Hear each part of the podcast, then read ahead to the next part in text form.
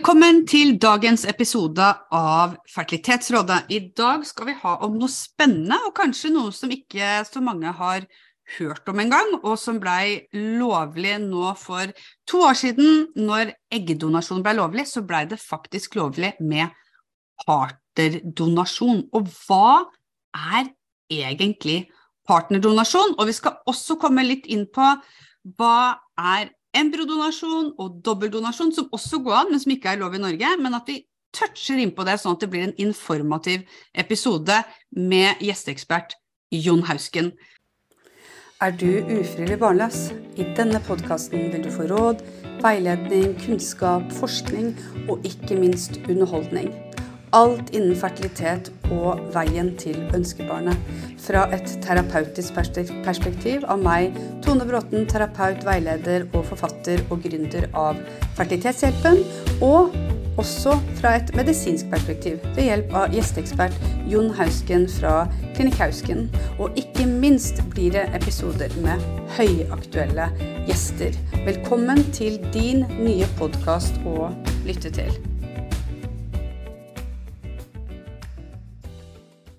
Jon, partnerdonasjon, hvis jeg har forstått riktig, det er to likekjønna som hvor den ene gir egg til partneren sin, og det er da partneren som går gravid.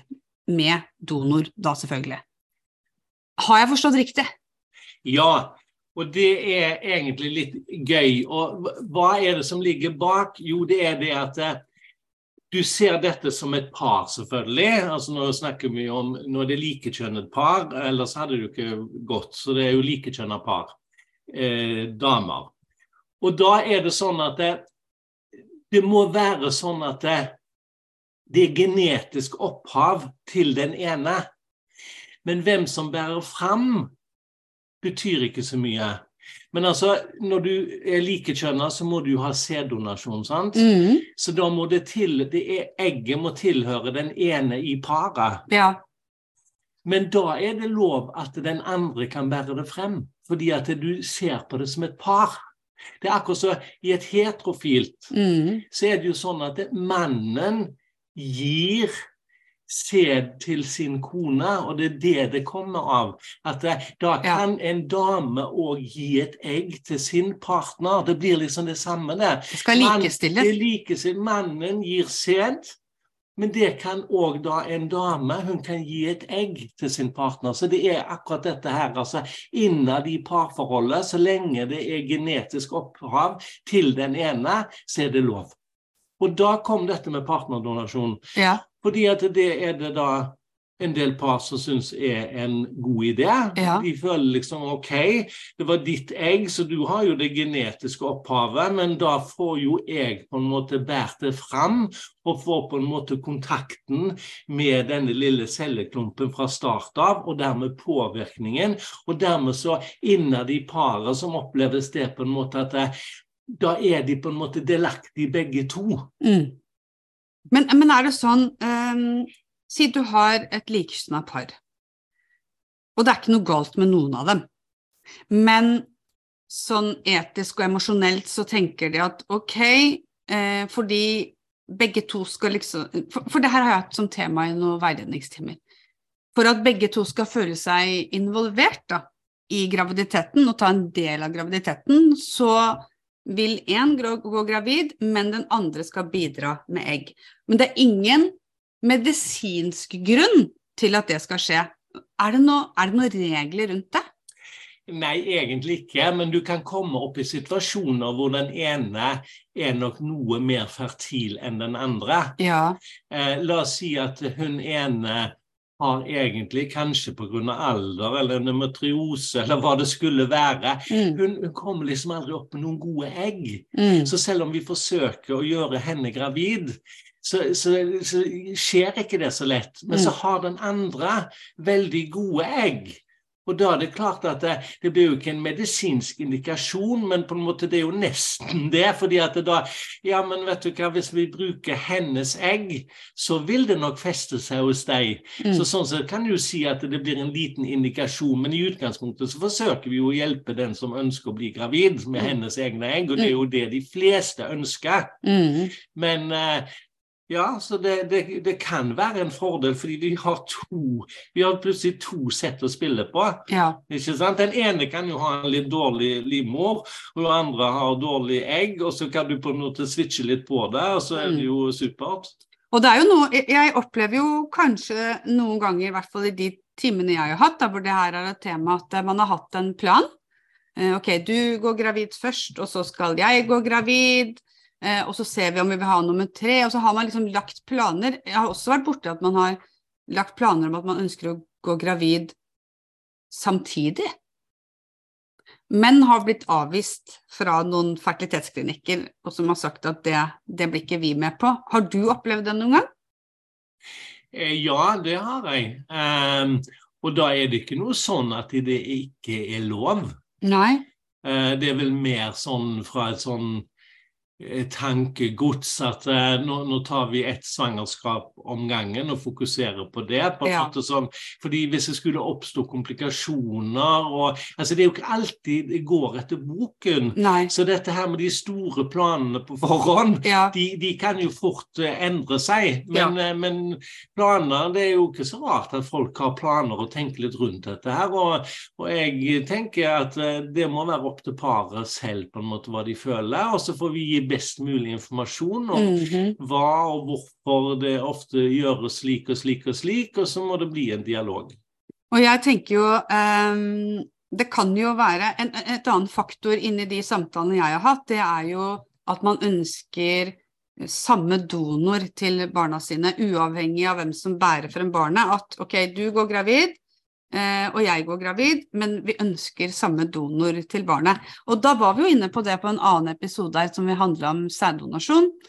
Eh, det å kjøpe nok strå, eller det å ha strå fra samme donor, at det var veldig lurt. Var det ikke det, Jon? Husker jeg riktig?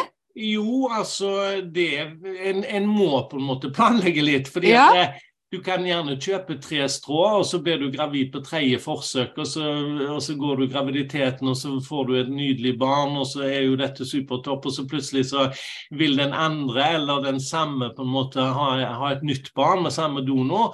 Men da er kanskje den donoren Det, er ikke flere strå igjen. Mm. Så en må gjøre noen tanker rundt det der, og så si at OK, vi ser for oss kanskje at vi skal ha to barn, eller noen ser for seg tre barn. og da mm bør en kanskje vurdere å ta høyde for at du bestiller nok strå, men det er jo et pengespørsmål òg, da. Ja. Så av og til så liksom blir det en sånn mellomting, at vi starter opp, og så blir hun kanskje gravid på, på første forsøket. Det er jo mm. ikke uvanlig, det heller. Mm. Um, og så har de to strå igjen, og så sier jeg vet du hva, nå er du gravid, vi ser at det er levende foster, dette kommer helt sikkert til å gå bra. Mm. Uh, du har to strå.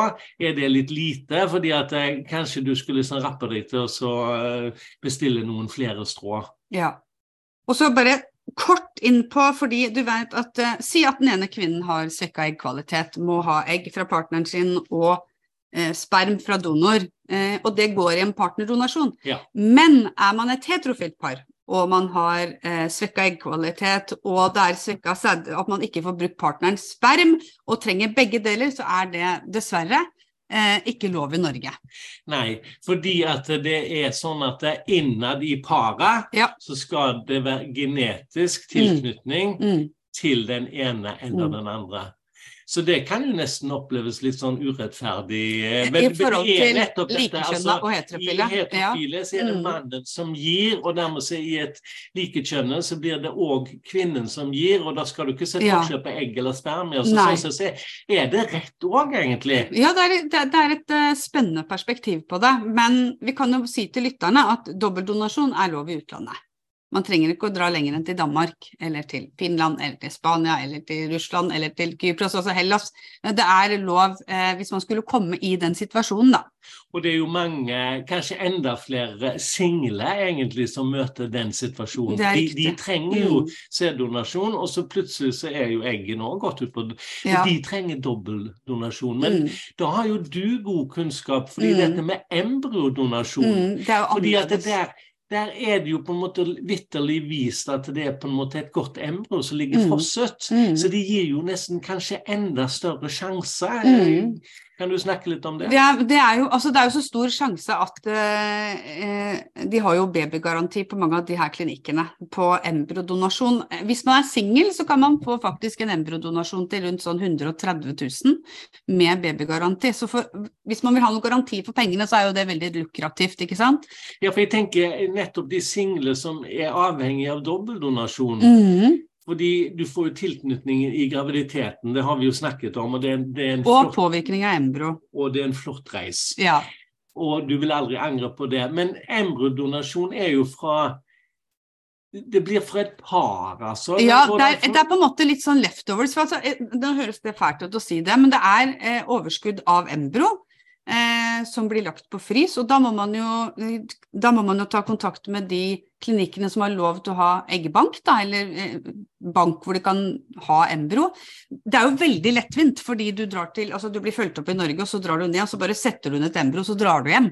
Så, så, det er jo det er den mest skånsomme kanskje behandlingen. Ja, for du fordi... hopper jo over på en måte hele prosessen med at Alt hun som skal gi egg. Hvor mange mm. egg ble det? på en måte Ble det mm. noe befruktning? altså Det får du for så vidt ikke vite noe om, da, men mm. på en måte du, du, du, du hopper jo over hele reisen med å sikre ett eller to gode embryo. fordi ja, vi har to eller tre gode embryo her fra et ja. par, på en måte. Det som blir utfordringen for mange, som gjør at altså Noen velger jo embryodonasjon nummer én fordi det er rimelig alternativ, nummer to fordi suksessraten er så høy. Men så kan du komme i den situasjonen hvor du tenker at ja, men vil jo ha søsken, og det får du jo ikke hvis du tar embryodonasjon. Så da vil de ta dobbeldonasjon for å sikre seg alle embryoene selv og ha noen på frys.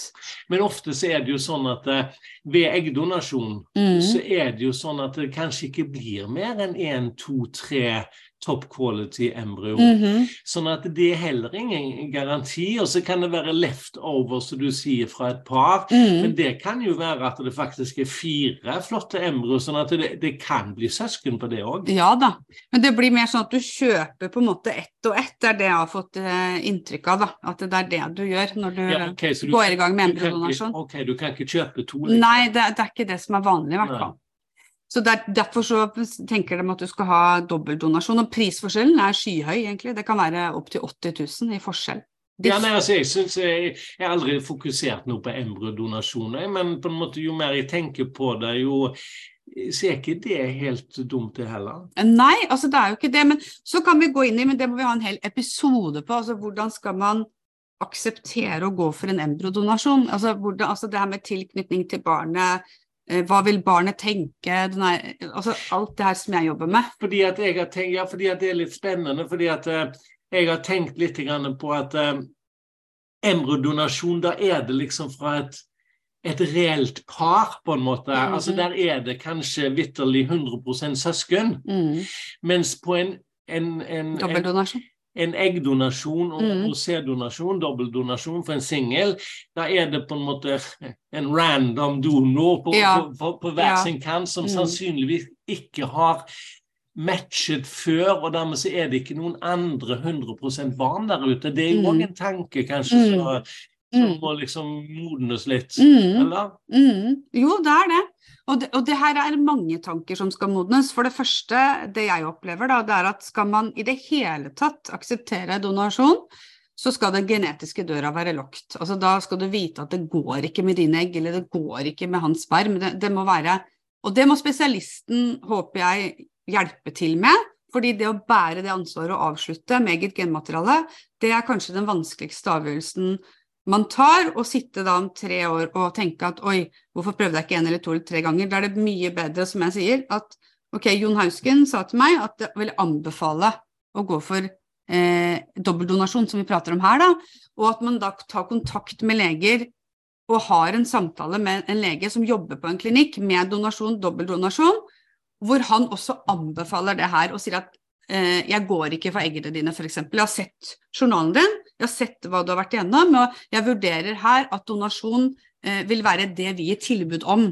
Og det er enda en dør som lukkes, ikke sant. At du får det liksom både fra her i Norge, men at du også får høre det i utlandet. At det roer deg ned. Ok, det var faktisk ingen sjanse. Den, den, klinikken i Spania eller i Finland eller hvor det er, de ville ikke gå for eggene mine engang. Og det er jo klart at det er en sorg, men samtidig så er det å legge litt lokk på noe som som man har håp oppimot, da, ikke sant.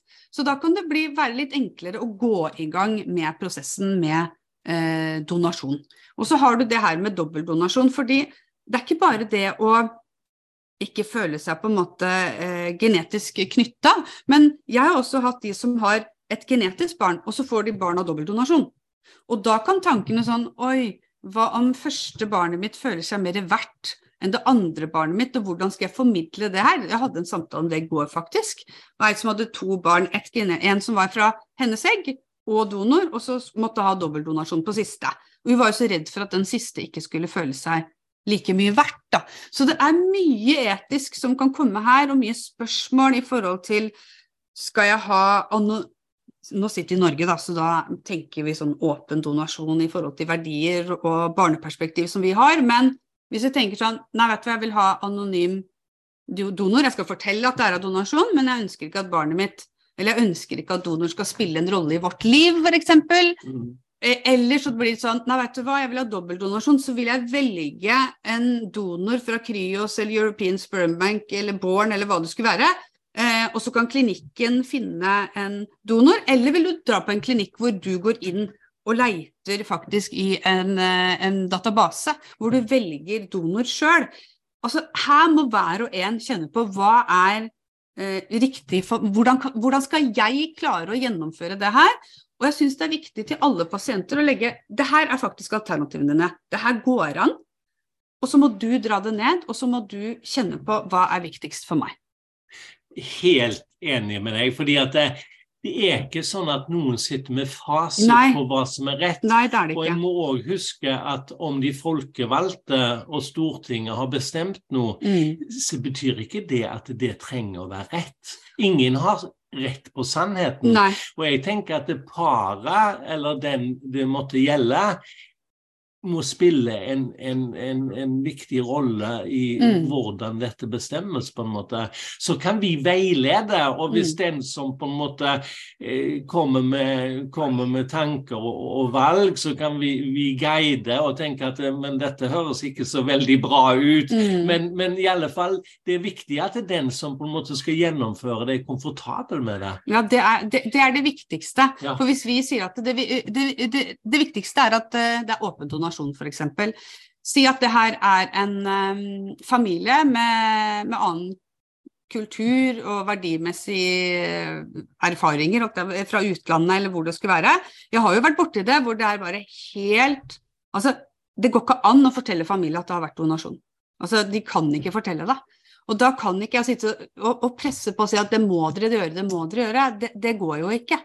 Nei, altså jeg har jo hatt par som på en måte det kan være kulturelt eller på en ja. måte religion som spiller en rolle. Altså dette er tabu, men en, en gjør det kanskje likevel. Og, ja. og da man eh, respektere til, men, det. Men da, altså, vi respekterer det, men, på, men, vi må si at da må vi henvise det et ja, annet sted. Fordi vi må forholde oss til de norske nettopp, reglene. Nettopp. Ja. Da tror jeg vi avslutter det. Eh, sånn etisk og emosjonelt i forhold til donasjon, så lurer jeg på om jeg må spille inn en episode i forhold til det, for det blir så lite av det her nå. Bare en liten sånn flik. Men, men eh, veiledning i forhold til å akseptere donasjon og, å gi opp sine egne egg, det, det, er en prosess som jeg har kjemperespekt for. Eh, og jeg bare sier det, for det er veldig mange som har hatt bruk for den. Jeg, jeg skrev en artikkel en gang som heter 60-40 rule, som, som handler om at du våkner sjelden en morgen og tenker at donasjon er 100% riktig. Det mest naturlige det er at du legger igjen 30-40% til sorgen over det som ikke blei, sorgen over at IVF, eh, failed attempts, altså mislykka forsøk, har vært, men 60% av deg vil videre. Og så er det nok. Fordi noe i livet må erfares. Du kan ikke se for deg hvordan du skal tenke om barnet, se for deg hvordan du skal føle om barnet. Noe i livet må erfares, og det må vi også akseptere. Og så er det jo det at vi elsker jo å lage problemstillinger på forhånd. Ja. Tenk hvis Mm. Vil barnet liksom bli like glad i meg? Hvilke situasjoner kan oppstå? Nei. Altså, Det nytter ikke å planlegge for ting som aldri kanskje kommer til å skje. Nei. Sånn at da må du på en måte Vet du hva, dette blir bra. Mm. Og så får vi ta det litt etter litt. Og så er det litt sånn å nei, hva om jeg ikke klarer å knytte meg til barnet? Men husk det at det som styrer tilknytningen mye, det er jo personligheten til barnet. Og du kjenner ikke det barnet før det kommer. Da avslutter vi episoden med, med partnerdonasjon, dobbeldonasjon og embryodonasjon. Håper du fikk eh, mye informasjon ut av denne podkastepisoden. Velkommen tilbake!